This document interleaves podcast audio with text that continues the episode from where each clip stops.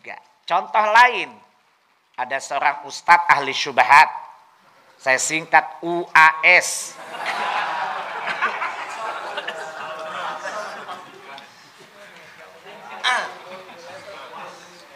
ya, uh, dia mengatakan bahwa misalnya ada orang mengatakan mengutip pendapat seorang syekh di Qatar ya bahwa Syekh Yusuf Qaradawi mengatakan bahwa karena para sahabat melihat Nabi langsung bertemu dengan beliau bahkan bersentuhan dengan beliau maka kalau mereka tidak bermaulid tidak apa-apa.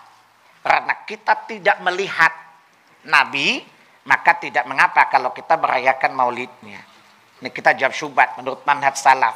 Saya tanya tabi'in melihat Nabi enggak? Tapi enggak ada yang punya gagasan gila itu kan Apakah ulama belakangan lebih cerdas memahami agama daripada para tabi'in? Para tabi'ut tabi'in makin jauh lagi dari Nabi bukan? Tapi nggak ada punya, punya ide gila tadi kan? Nggak ada. Paham? Nah. Atau kita pakai logika lagi, logika dibalas logika. Oh gitu ya. Sekarang ini kita pakai logika lagi. Gimana kalau kita maghrib tujuh rakaat?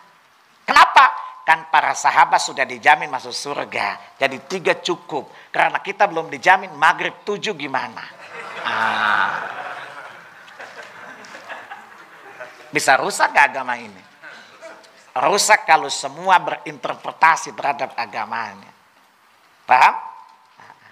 Oleh karena itu, agar kita tetap di atas kebenaran, maka pahamilah jalan kebenaran itu atau jalan memahami kebenaran itu dengan jalan pemahaman orang-orang yang benar.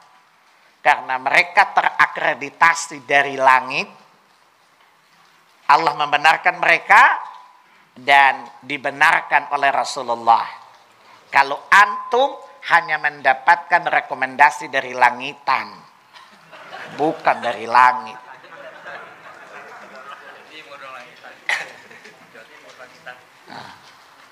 Paham ya? Itulah cara memahami agama itu seharusnya dengan itu metode tadi.